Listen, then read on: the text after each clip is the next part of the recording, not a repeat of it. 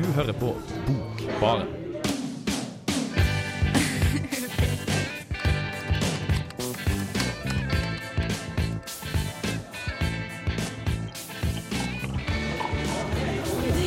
hører på Bokbarn!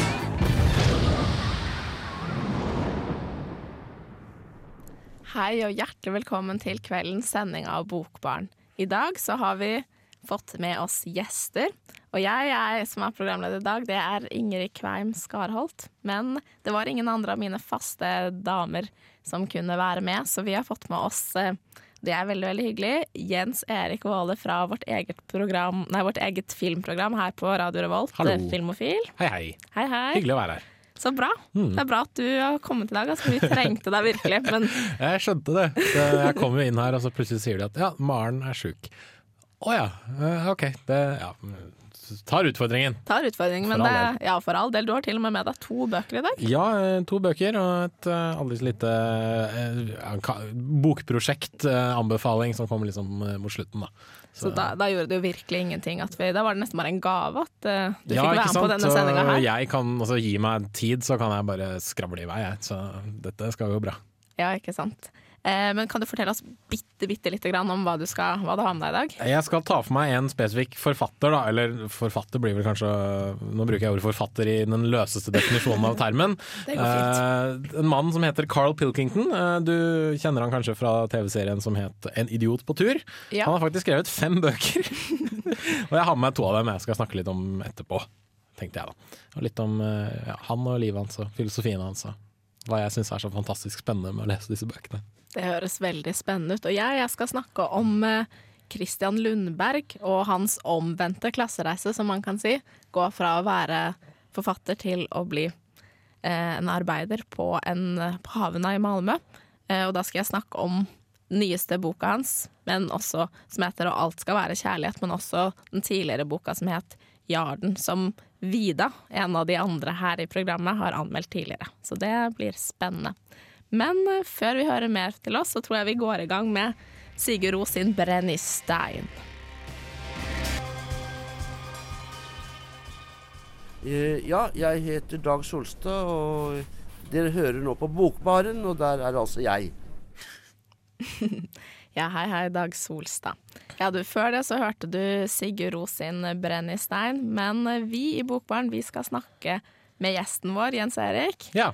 Ja, og da skal vi snakke om uh, denne mannen som uh, heter Carl som- Pilkington. Carl, Carl- Carl Pilkington heter Ja. han. Og han har skrevet 'Happy Slapped by a Jellyfish'. Ja, uh, det er en bok om reiser. eller Det er en bok om hans reiser, da. Fordi han- En av hans store ambisjoner i livet er, var å skrive bok. Det, han har forsøkt skrevet fem bøker, så han har i hvert fall eh, oppnådd den ambisjonen. Hans andre bok den handler om reise, eh, og da har han egentlig bare Fordi tipset han har fått da når han skal prøve å skrive en bok, det er 'write what you know'. Og det er jo et ganske greit tips, vil jeg si. Og det han har kommet fram til, er at han vet ikke så veldig mye, men han har vært på veldig mange ferier. Vært på veldig mange ferier forskjellige steder i verden, eller? Ja, uh, typ eh, alt fra Wales da han var barn, han har vært på Ibiza, uh, i Los Angeles, New York, Florida. Det er, uh, han var i Roma, han har vært i Karibien, han har vært på Tunisia. Oh, yeah. Eh, han har ikke vært i Australia, men det er faktisk et kapittel i boka uh, hvor han skriver om at eh, alt liksom, som skremmer han da, i Australia av liksom, insekter og edderkopper og slanger og, og sånne ting. Da. Så, da, Så, så er det en slags sånn reiseanbefalingsbok? Reiseskildring? Ja, det, man kan vel reiseskildring, Reiseskildringer er det i hvert fall. For Hvert han fall. forteller om sine ferier. Uh, også en, og en tur han hadde på sykehus, da, for det anså han som en ferie. Eh, Så han har en litt sånn vag definisjon av ferie? han har en litt da? vag definisjon av hva ferie er. Uh, så det er, det er litt sånne dagbokutdrag, og så er det litt sånne At uh, feriedestinasjonen er et utgangspunkt da, for hans litt merkelige og spesielle observasjoner på, på,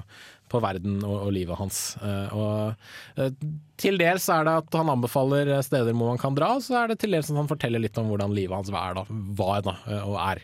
Eh, Når han forteller om ferier i Wales, så forteller han om eh, hvordan han pleide å dra til Arkaden der han var yngre, og, den ikke, og den, at den ikke eksisterer lenger, og at han eh, en ferie fikk eh, meslinger, så han måtte ligge hjemme, men det han da gjorde var at han tok på seg en svær parka, sånn at ingen skulle se at han hadde meslinger, og så gikk han på Arkaden allikevel, for han kjeda seg så fryktelig å ligge i campingvogna til foreldra sine. Uh, og, altså, Så det, er det mye humor, da? Er det det, det er veldig mye det? humor. Det er det som Um, gjør det. Det er det som gjør det. Dette er absolutt ikke høykulturlitteratur av noe som helst slag, vil jeg påstå. Men jeg syns det er forbanna morsomt. Forbanna morsomt. Men hvordan er språket, da? Er det, bare, er det enkelt, på en måte? Eller er det Ja, altså, han, er en, uh, han er en ganske enkel person. Ganske sånn. enkel person? Ja. Han, har, han er født og oppvokst i en sånn council estate i Manchester, sånn høyblokk eh, drabantby-greier. Har hatt veldig lite utdanning, fordi foreldrene hans dro han alltid med på ferie da han gikk på skolen som barn.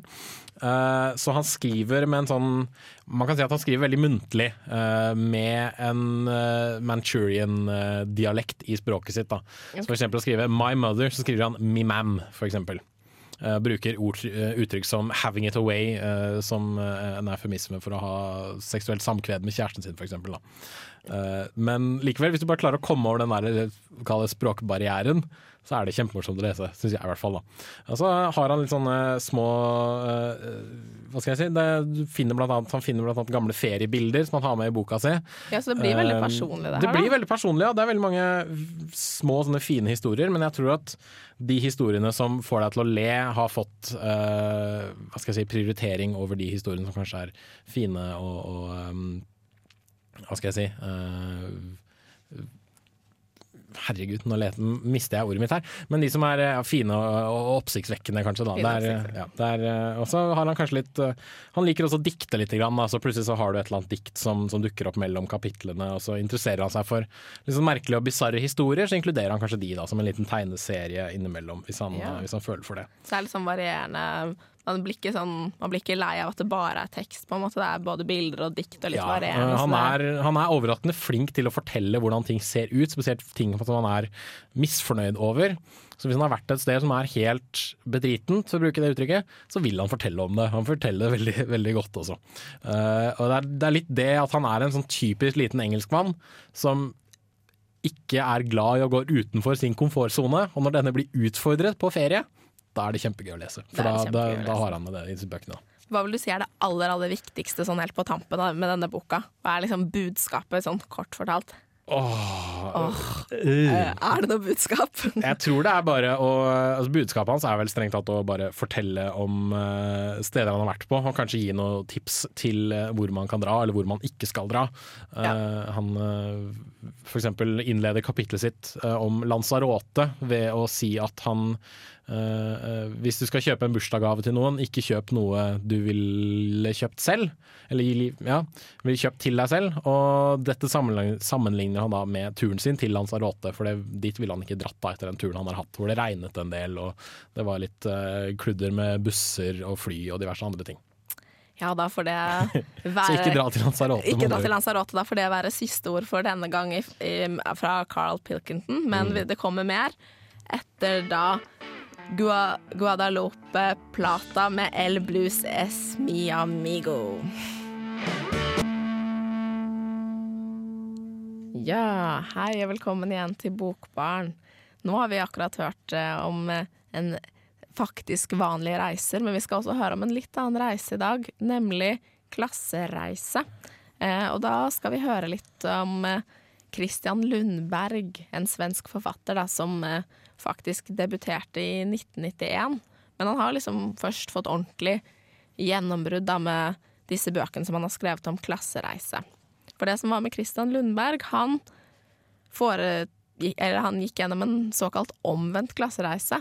Han eh, var forfatter og poet, og så skrev han en anmeldelse av en bok som aldri hadde blitt utgitt, så da ble han veldig forhatt i det miljøet da, og utstøtt. Så det endte med ja, alkohol, og det gikk, gikk veldig dårlig for han, og så til slutt fikk han mye gjeld som gjorde at han måtte få seg en jobb, men denne gangen ikke som, ikke som forfatter eller som litteraturkritiker. Det var han ikke helt klar for, så da ble det som arbeider på havna i Malmö. Der så gjorde han seg mange erfaringer av ulik art, og han fikk virkelig kjenne på det å være kroppsarbeider og leve fra dag til dag i forhold til det livet han hadde hatt tidligere. Tror du det er veldig nedverdigende for noen forfattere og litteraturkritikere å plutselig måtte gjøre kroppslig arbeid? Jeg tror eh, på en måte at det også er sunt, fordi det resulterte i hvert fall denne gangen her i veldig god litteratur. Og det gjorde også at altså Christian Lundberg kom i utgangspunktet fra et litt sånn eh, vanskelig miljø. Sted, eller? Nei, fra et kjipt sted. Ah, okay. Kjipt og vanskelig sted. Altså, han hadde på på en måte foretatt en klassereise til å bli forfatter og poet, ja, hvis man kan kalle det det, da. og så igjen eh, gikk det tilbake til på en måte der han starta, og det miljøet som han har ganske mange erfaringer fra, som gjør at han, han vet jo hva det handler om, men han hadde kanskje på en måte glemt det litt, og nå ble han minnet virkelig på at klasseskillene de eksisterer fortsatt, at det er ikke sånn som man tror kanskje at man hører ikke like mye om det i, i nyhetene lenger, eller man, det er ikke den klassekampen som det var i, på 70-tallet, 60-tallet. Så, så man føler at dette er litt forbi, men likevel så eksisterer det, og det gjør jo at det er viktig å skrive om det, og de erfaringene man gjør. Spennende. Mm. Så det er det han nå har gjort da, i boka som jeg har lest, er nummer to, som det heter om denne her, som heter «Og- Og alt skal være kjærlighet. Handler blant annet om kjærlighet oppi alt dette. Men det er en nummer én som er litt grei å vite som, da, og ha hørt om og vite litt om, da, som et utgangspunkt. Og den heter Jarden, som er det stedet da hvor han jobber. Det er navnet på den havna på, i Malmö. Og den har Vida, eh, min gode venn fra Bokbarn, anmeldt tidligere. Så jeg tenkte at vi skulle begynne med å høre på den for å få et sånn go godt utgangspunkt for å snakke mer om min bok senere, da. Så alle er litt på likt plan. Vet litt hvem Christian Lundberg er, og hva han har å fortelle. Mm. Så da så skal vi rett og slett høre først på Dråpes 'Memories', og så kommer Vidas sak. Det er godt mulig at det finnes en enkel og logisk prolog til denne fortellingen. Hvis det er tilfellet, er det like mulig at det bare er jeg som ikke kan finne den, siden jeg står midt oppi den. Sånn er det av og til. Plutselig befinner du deg i omstendigheter som er helt uholdbare. Og etter en stund har du vent deg til det umulige, til det håpløse. Du er et menneske, og du prøver å overleve. Du bruker alfabetet. Du lengter bort eller hjem, det spiller egentlig ikke noen rolle. Du blir knust av deg selv, av valgene du tar og til bortkommenheten. Du er på vei og vet at du ikke skal noen steder. En litt uavklart hendelse og et plutselig gjeldskrav fra staten gjør at eh, Christian Lundberg, som før har øst ut lyrikksamlinger og anmeldelser som forfatter, må tjene penger innenfor rammer som er langt vekk fra en behagelig middelklassehverdag. Hva var det som skjedde? Jeg tar det fra begynnelsen. 43 år gammel og med ca. 20 utgitte bøker, følte jeg det som om klassereisen min innhentet meg. Jeg var tilbake ved utgangspunktet. Jeg var kroppsarbeider, akkurat som jeg var til å begynne med. Jeg fullførte aldri skolen. Lundberg begynner på nytt, uten at det føles som en ny begynnelse, for han har vært der før og får jobb som timelønnet i et bemanningsbyrå. Han jobber på havna i Malmö i lange timer og bitende kulde. Prøver å betale ned gjeld og forsørger seg selv og en liten sønn. Lundberg forteller om hvor han startet. Han forteller om oppveksten sin. Oppveksten skjer i et tilsynelatende hardt og nådeløst arbeiderklassestrøk i Malmö. Han fullfører ikke noe skole, han røyker hasj og røyker seg helt inn i en psykose. Får diagnosen alkoholdemens i ung, ung alder. Han tar mer dop, og han driver med vinningskriminalitet. Alt dette skjer samtidig som at han leser klassikerne innimellom og prøver å få antatt bøker han etter hvert skriver. Det henger ikke helt på greip alt det som blir fortalt om oppveksten. Noe er usagt. For hvordan Lundberg får til å skrive seg til å bli en anerkjent lyriker, og hvor motivasjonen til å lese i det hele tatt kommer fra, sier han lite om. Men kanskje er det jo litt fint at det at han skriver, bare blir en selvfølgelighet i den kaotiske historien som er oppveksten hans. Det er også en oppvekstfortelling som farges av morens galskap. Galskapen er gjennomtrengende i det som blir skrevet om henne. Hun oppdrar Lundberg og søsknene hans alene, for faren har reist videre til en annen klasse. Moren har en schizofrenidiagnose, og det er trøstesløse hverdager som danner seg rundt familien. Og Lundberg han skriver fortvilt om hva det betyr å vokse opp med en psykisk syk mor, men hele tiden på en vakker måte, for det er jo sånn han skriver. Likevel gir forfatteren klar beskjed om at leseren ikke får lov til å hvile i det vakre, for Koden ligger i håndskriften. Kunne være en gåtefull innledning til et dikt om kroppen og ordene. Nå var det et utslag av min mors forvrengte fantasi. Det finnes ikke noe vakkert i sykdommen. Ikke noe romantisk. Den er bare grusom. På samme måte er det når Lundberg forteller om hvordan det er å være timelønnet kroppsarbeider. Det er lite hvile i arbeidet som timelønnet, både for de som jobber på Jarden og de som leser den. Det er en tydelig politisk tekst på mange måter. Det er beskrivelse av forskjeller mellom mennesker, og selv om sidene noen ganger ser ut som kollasjer av diktlinjene Lundberg satte seg som mål å skrive hver morgen før han jobbet på havna, så er de lyriske dryppene bare små, trøstende ord når han forteller om virkeligheten som er grim, og om samfunnet som nesten aldri tar vare på de svakeste. For Lundberg går ikke akkurat rundt grøten når han forteller hva det er å jobbe på Jarden. Han skriver ord som klassehat, klassefall, arbeidskamerater. Og han får til å rettferdiggjøre å være så direkte. For teksten er spørrende, unnskyldende, spør seg om man kan klage på hvordan man har det. Andre har det jo vel verre enn Lundberg. Lundbergs medarbeidere er innvandrere. Mange er papirløse, og alle har rettigheter lik null på arbeidsplassen. De får jobbe på nåde, og hvis de bryter en av tusen uskrevne regler, blir de aldri spurt om å få komme tilbake på jobb. Idet Lundberg skriver ferdig i Jarden og får den utgitt, vet han at arbeidet der er over, og at han har brutt en regel som gjør at han heller aldri får komme tilbake. Forfatteren forklarer hva som kan skje med et liv i romanen Jarden. Livet han forteller om, er hans, og han velger ut de delene han vil fortelle. Og han sier tydelig at det er han som forteller, og det er hans sannhet som fortelles i boken. Og boken den forteller om hvor store avstander som kan lages mellom ytterpunktene i et menneskeliv, og hvor kort veien er tilbake til tilsynelatende akkurat der man kom ifra. Hei, det er Pedro Carmona Alvarez. Du hører på Bokbaren på Radio Revolt.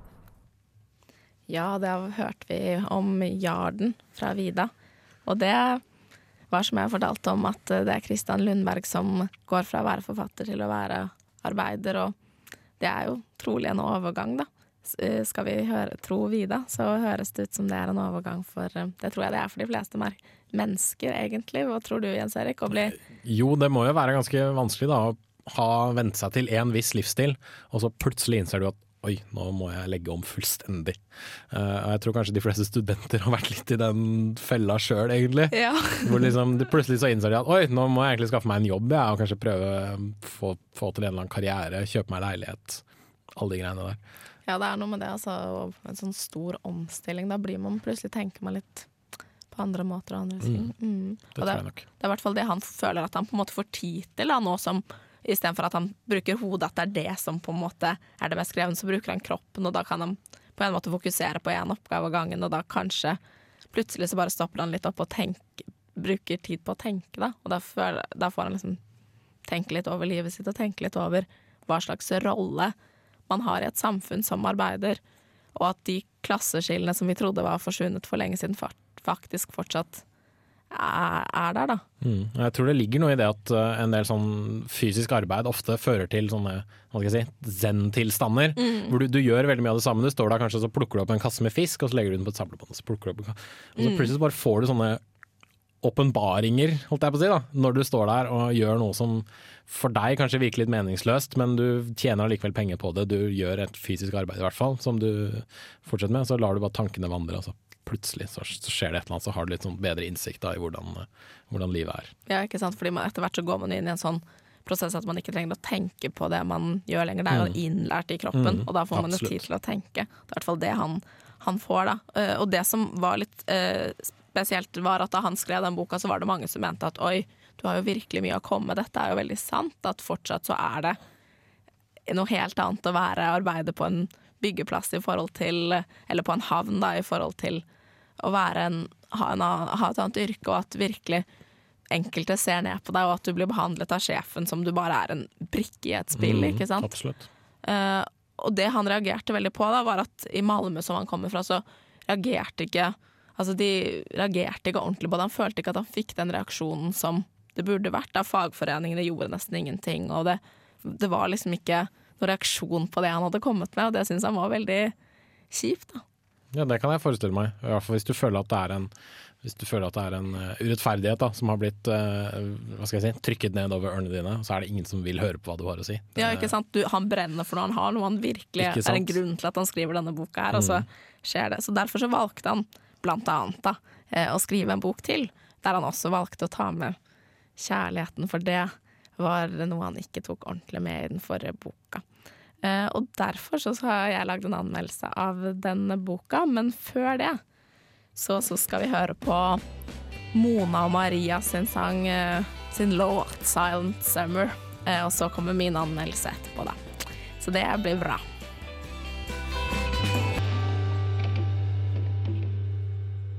Og alt skal være kjærlighet. Christian Lundbergs roman i norsk oversettelse fra 2012 er en frittstående oppfølger til hans tidligere bok 'Jarden'. I begge romanene tar han oss med på det han kaller en omvendt klassereise. Fra livet som poet og litteraturkritiker blir han timelønnarbeider på havna i Malmö. Dette er en vond reise for Christian Lundberg, som bruker sitt eget navn på jeg-personen i boka. Bak høye gjerder eksisterer fremdeles klasseskillene, ja, til de grader. Lundberg får kjenne på livet som kroppsarbeider utmattelsen og strevet. Som brikke i et spill uten mulighet til å planlegge eller vite noe om sin egen framtid. Overvåkningskameraer som avslører eventuelle ekstra røykepauser, øker vel ikke akkurat trivselen. Jeg skjønner godt at Lundberg får et sterkt behov for å formidle sin egen historie, fordi den langt fra kun er et portrett av ham, men like fullt et portrett av et liv neddynget av klasseforskjeller vi trodde tidens tann hadde visket ut for lenge siden. Når Lundberg skriver denne romanen, er han ferdig på Jarden, og som vi ser gått tilbake i det sporet han startet, som forfatter. Nå får han tid til å reflektere over det som har vært, og forsøke å se framover. Han ser tilbake på en sår og smertefull barndom, med en fraværende far og en psykisk syk mor. Han husker endeløse ferier uten noe å bruke tiden på, venner som dras nedover i skyggesiden av samfunnet, det som begynte med naiv nasking på kiosken, baller på seg og blir alvorlige voldsdommer i fengsel. Den som er barn og fattig, er ikke fri. Jeg var ikke fri, sier Lundberg. Et barn som ikke blir sett, og kanskje mishandlet, kan gjennom sin barndoms gjeld bli overgriper selv. Som far til en gutt stiller Lundberg spørsmålet hvordan unngå å få utløp for din arvelige belastning slik? Skal man klatre høyt over alle i et tre? Eller gå inn i galskapen selv. Lundberg vandret lenge på galskapens mørke sti, med alkohol og dop som nærmeste venner. Der skjøv han fra seg det som skyves kan, deriblant ungdomskjæresten K. Vi må ikke glemme romanens tittel, og alt skal være kjærlighet. For ved siden av Klassekampen driver Lundberg også sin egen indre kamp. Vi kan nesten si at hele boka er et forsøk på å skrive den boka han egentlig ønsker å skrive. En bok om det han utelot i den forrige, nemlig kjærligheten. Han vender tilbake ved flere anledninger, og slik blir vårt bekjentskap med K en fragmentarisk opplevelse. Sanserike beskrivelser gir oss små drypp i forståelsen av den store kjærligheten. Det er vakkert og veldig vanskelig. Alle disse sekvensene har et språk av noe mer poetisk og myk karakter, og skaper en kontrast mot den ellers skarpe og konkrete språket. Lundbergs indre kamp prøver hele tiden å besvare spørsmålet hvilken rolle spiller kjærligheten for et menneskeliv? For er kjærligheten fundamentet for alt liv? Må man være fri fra skyld og skam for å elske? Eller enda vanskeligere å bli elsket? Er det mulig å reparere noe man trodde var ødelagt for alltid? Hvor lenge er du hjemsøkt av din egen fortelling? Alt er kjærlighet. Alt er å glemme seg selv. Det omvendte er like sant. Ingenting er kjærlighet. Nå er ikke dette en enkel fortelling. Det er i bevegelsen mellom disse to lagene at fortellingen begynner å vikle seg ut. At den plutselig begynner å anta en helt egen form å elske. Å være menneske er å bli utsatt for sin egen grusomhet. Å være menneske er å miste seg selv, og så gjenskape den man hadde tenkt å bli. Og med romanen 'Og alt skal være kjærlighet' gjør Lundberg et solid forsøk på det siste. Hej, du lytter til Jens Blindstrup fra Danmark, og nu skal du høre Bogbaren. Uh! Uhu. Eh, Det var veldig bra oppladning til oss. Tusen takk, Jens Blendstrup. Blenstrup. Uansett så har du akkurat hørt på anmeldelsen av eh, Og alt skal være kjærlighet av Christian Lundberg. Og som jeg sa i anmeldelsen, så er det sånn at um, i hans forrige bok så var det Jarden, så var det mye snakk om arbeiderklassen. Og også lite grann om hans ungdomskjæreste, som han kaller K i boka. Uh, men han fikk vel ikke snakket nok om dette, da. Så han følte at han trengte en bok hvor han skulle fortelle om K og kjærligheten. Men dette er noe han strever mye med, fordi jeg tror å snakke om kjærlighet er jo vanskelig. Ja, det vil jeg absolutt påstå. Absolutt påstå. på. Og jeg tror det er en del av oss som har uh, slitt litt med å sette ord til følelser eh, både muntlig og på papiret før. Så vel jobbet. Ja, vel jobbet. Han, altså, han har jo gjort et uh, godt forsøk, det vil jeg si, men han prøver flere ganger å konkludere eller definere um, hva kjærligheten er, og hva et menneske er. Og, og det er jo spørsmål som vi kanskje stiller oss hele livet, og egentlig de færreste av oss greier å svare, i hvert fall med to streker under svaret på det. da. Det tror jeg er vanskelig. Det tror jeg er veldig vanskelig, jeg også. Men eh, det som er interessant, da, som kommer fram på en måte eh, gjennom boka, syns jeg er at Um, i forhold til denne ungdomskjæresten K som han føler at han har tapt da, fordi han har favna på kjøret og føler at alle mine sjanser er spilt, så greier han allikevel å hente seg inn igjen og greier å på en måte skjønne at kanskje går det an å reparere et, et ulegelig sår, men altså det, han tar seg virkelig sammen da, og driver på sin måte en kamp, sånn som man kanskje skulle ønske at det var en klassekamp som ble drevet på samme måten. Han har litt av den der klassekampgnisten i seg, men nå på et individuelt plan, da. Ikke som en del av en gruppe. Fordi selv om han gjennom boka får fram at jeg er bare en brikke i et spill, og jeg er ingen, det er ingen som bryr seg om meg, så greier han likevel å skjønne at det han gjør, eh, har noe å si. Da. Det, han kan utgjøre en forskjell ved, gjennom sine handlinger. Er, er det litt feil av meg å kanskje trekke en parallell til sånn sosialrealistiske, romantiske komedier, dramafilmer? Jo, det kan du gjerne gjøre. Ja, for det, det, det, er litt, det er litt den, den følelsen jeg får, da, den, den, den tapte kjærligheten som man føler at man må kjempe for fordi det, det, føles, så, det føles så riktig. Da, at man øh, prøver å få tilbake akkurat denne personen og finne ut av hva var det som gikk galt, og kan vi rette opp i det som gikk galt. Da, altså, da ser jeg alltid for meg John Cusack står der i slutten av denne filmen med en boom, boomblaster i hendene og spiller romantisk musikk til ekskjæresten sin. Ja. Det er kanskje ikke akkurat det han gjør i denne boka. Han, han men, øh, prøver å kanskje gjøre det litt mer alvorlig og litt Ja. dypere, men selvfølgelig så er det en kjærlighet. Det, også, altså, det er jo kjærlighet på sin måte, altså selvfølgelig. Eh, men han, han står ikke med en boomblaster, det gjør han ikke. det- Han går det litt mer på det indre planet, men det ligger vel sikkert noen følelser bak det å stå med en boomblaster også, vil jeg si. Det er det. sikkert sterke følelser eh, der òg. Eh, Men det sier i hvert fall veldig mye om at det, det finnes et håp. Da det er et håp i boka, selv om han føler at han har en vanskelig hverdag nå, så kom han seg jo ut av jarden. Han kom seg ut, han greide å ta et skritt videre, et skritt framover. Og det er veldig positivt. Da det. Og det skulle han vel også gjerne ønske at, eh, at eh, fagforeningene i Malmö hadde skjønt at klasse At de kunne også drevet en klassekamp, da. Mm, men eh, jeg tenker jo det viktigste man har i livet når man er på en litt sånn nedtrykt uh, vei, som man kanskje er, det, Mm. det er jo virkelig å bare prøve å fortsatt håpe om at ting kan bli bedre igjen. Det, det er veldig, veldig sant. Og det vil han det, Derfor så tror jeg det er lurt å lese, eller det kan være fint å lese, og alt skal være kjærlighet for å få det inntrykket, da. Mm. Eh, men uh, vi skal nå høre snart mer om din andre bok, og det Ja. gleder jeg meg veldig til. Eh, og da er det jo reise på en annen måte, da. Dette er mer en fysisk reise rundt om i Fysisk verden. reise. Ja, Så sånn sett så er det litt tema denne sendingen, da. Reise, klassereise, reise. mm, Det tror jeg blir veldig bra. Men da skal vi høre på Local Natives med You and I.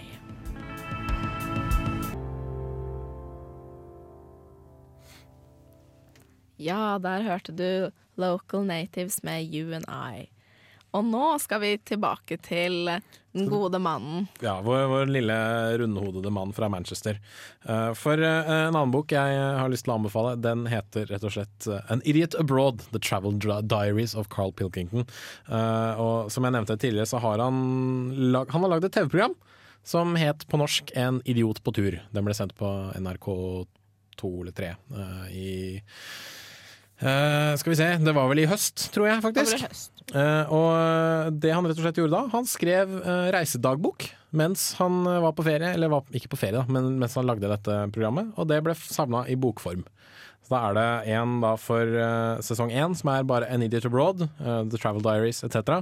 Og så har du da The Further Adventures of An Idiot Abroad, som er sesong to i dette her, da. Eh, og i den første sesongen så drar han ut og besøker de syv underverker eh, i Ja. eh, verden. Hva syns han om det? Nei, han er ikke, stort sett ikke imponert, altså. Ok, Så han Um, syns ikke det er et underverk. han syns veldig lite er underverker. Uh, han ser f.eks.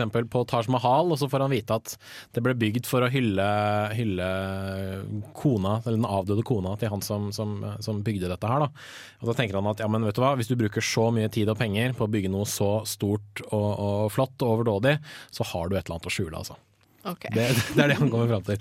Han blir blant annet konfrontert med den kinesiske mur, så hvorpå han tenker høyt at They say it goes on for miles, but so does the M5.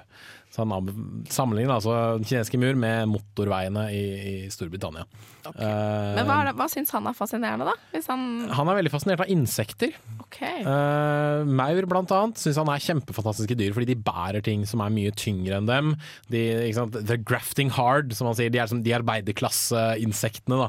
Det syns han er kjempe, kjempekoselig. Passer veldig bra til Ja, denne sendingen. Mm. Uh, men han, det viser seg at han imponeres av fint lite, egentlig. Han er en sånn hva skal jeg si, veldig instinktdrevet person, da, eh, som eh, ofte lurer på om han styrer hjernen sin, eller om hjernen hans styrer han.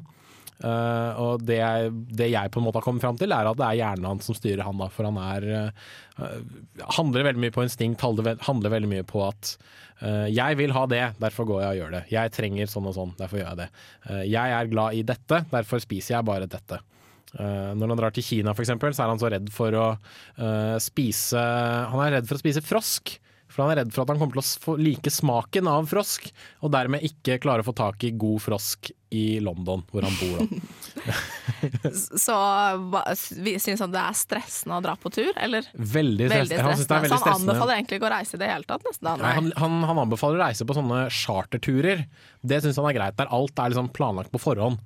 Men uh, turer hvor han ikke vet hva som skal skje, hvis han drar f.eks. Uh, til steder hvor det er mye, uh, mye liv og røre, mange, mange mennesker, mye lyd, det liker han ikke. India for f.eks., det hater han. Fordi han hadde diaré hele tiden. Ja, det er, men det er krevende å være på tur. Altså. Det er, Absolutt. er deilig å få det litt sånn servert. Det, at man- det viser jo for så vidt dette her også. Ja, ikke sant. Så det er bra. Det er enten så Du kan lese det enten du har lyst til å dra på de turene selv, eller du har lyst til å bare lese om dem. Det er ditt valg. Hei, hei. Eh, Dette er Vigdis Hjort. Jeg liker navnet på denne radiokanalen, Radio Revolt. Hør på magasinet Bokbarn. Det å sitte på bar og lese bok, det er ikke det verste. Tusen takk, Vigdis Hjort, for at du har så tillit til programmet vårt. Eh, vi er eh, ved veis ende, vi egentlig, Bokbarn. Vi har noen minutter igjen, så vi kan, kanskje vi skal oppsummere litt hva vi har snakka om i dag. Det kan vi gjøre. Det kan vi gjøre. Vi har snakket om reiser, klassereiser, omvendte klassereiser, og Christian Lundberg har jeg snakket om. Og jeg har snakket om fysiske reiser og en mann ved navn Carl Pilkington, som eh, jeg i hvert fall syns er kjempemorsom å lese. Et fenomen, kan- nesten. Eh, han har blitt et litt sånn fenomen. Han ble veldig verdenskjent gjennom en sånn podkast han gjorde sammen med Ricky Gervais da, og i disse bøkene og TV-seriene. da. Så det er eh, morsomt å sjekke ut. Søk han opp på YouTube. Ja, det tror jeg er en god idé. Mm. Uh, og så hadde du et lite tips. Ja, jeg har en liten anbefaling. Fordi En det er, anbefaling. det er, det er, en, det er, sånn, det er eh, et bokprosjekt som jeg følger på, på internett for tiden, som kaller seg Fifty Shades of Green. Okay. Uh, der det er to kvinner i New York som har bestemt seg for at de skal skrive den neste nye Twilight-utfordreren. Eh, dette skal de gjøre helt seriøst, selv om de verken liker Twilight eller Fifty Shades of Grey. Uh, så det de skal på en måte forsøke, er å vise litt hvor kynisk eh, bokbransjen kanskje er, ved å prøve å skrive noe som de ikke syns er så kjempefantastisk, og så kanskje tjene litt penger. Uh, eventuelt uh, så håper de at uh, ting bare kommer til å gå rett i dass. Men det kommer da til å være Twilight med Kutulu, hvor de da baserer veldig mye på HP Lovecraft sine bøker. Så søk opp Fifty Shades of Green på, på Google, så finner du en fin liten liste over videoer de, hvor de går gjennom da hele skriveprosessen da, til, til denne boka. Og det er interessant å være med på den delen av en skriveprosess. Ja, jeg syns det. Så, på en måte, så spiker de alle disse konseptene. Da, så skal det crowdsources alt sammen. Altså de får Mm. hjelp fra publikum til å skrive dette. Men vi i Bokbarn vi håper at, det, at litteratur er noe mer enn tullelek. Ja Nei, da, men det, det- eh, uansett så Trolling på høyt nivå er det man kaller det på, på, på Men internett. jeg må takke deg, Jens Erik Våle, for at du var med oss i dag. Jo, Og vår kjære tekniker eh, Hildegunn Kristiansen. Flott, flott, flott jobba. Hei, jeg heter Ingrid Kain Skarholt. Vi snakkes.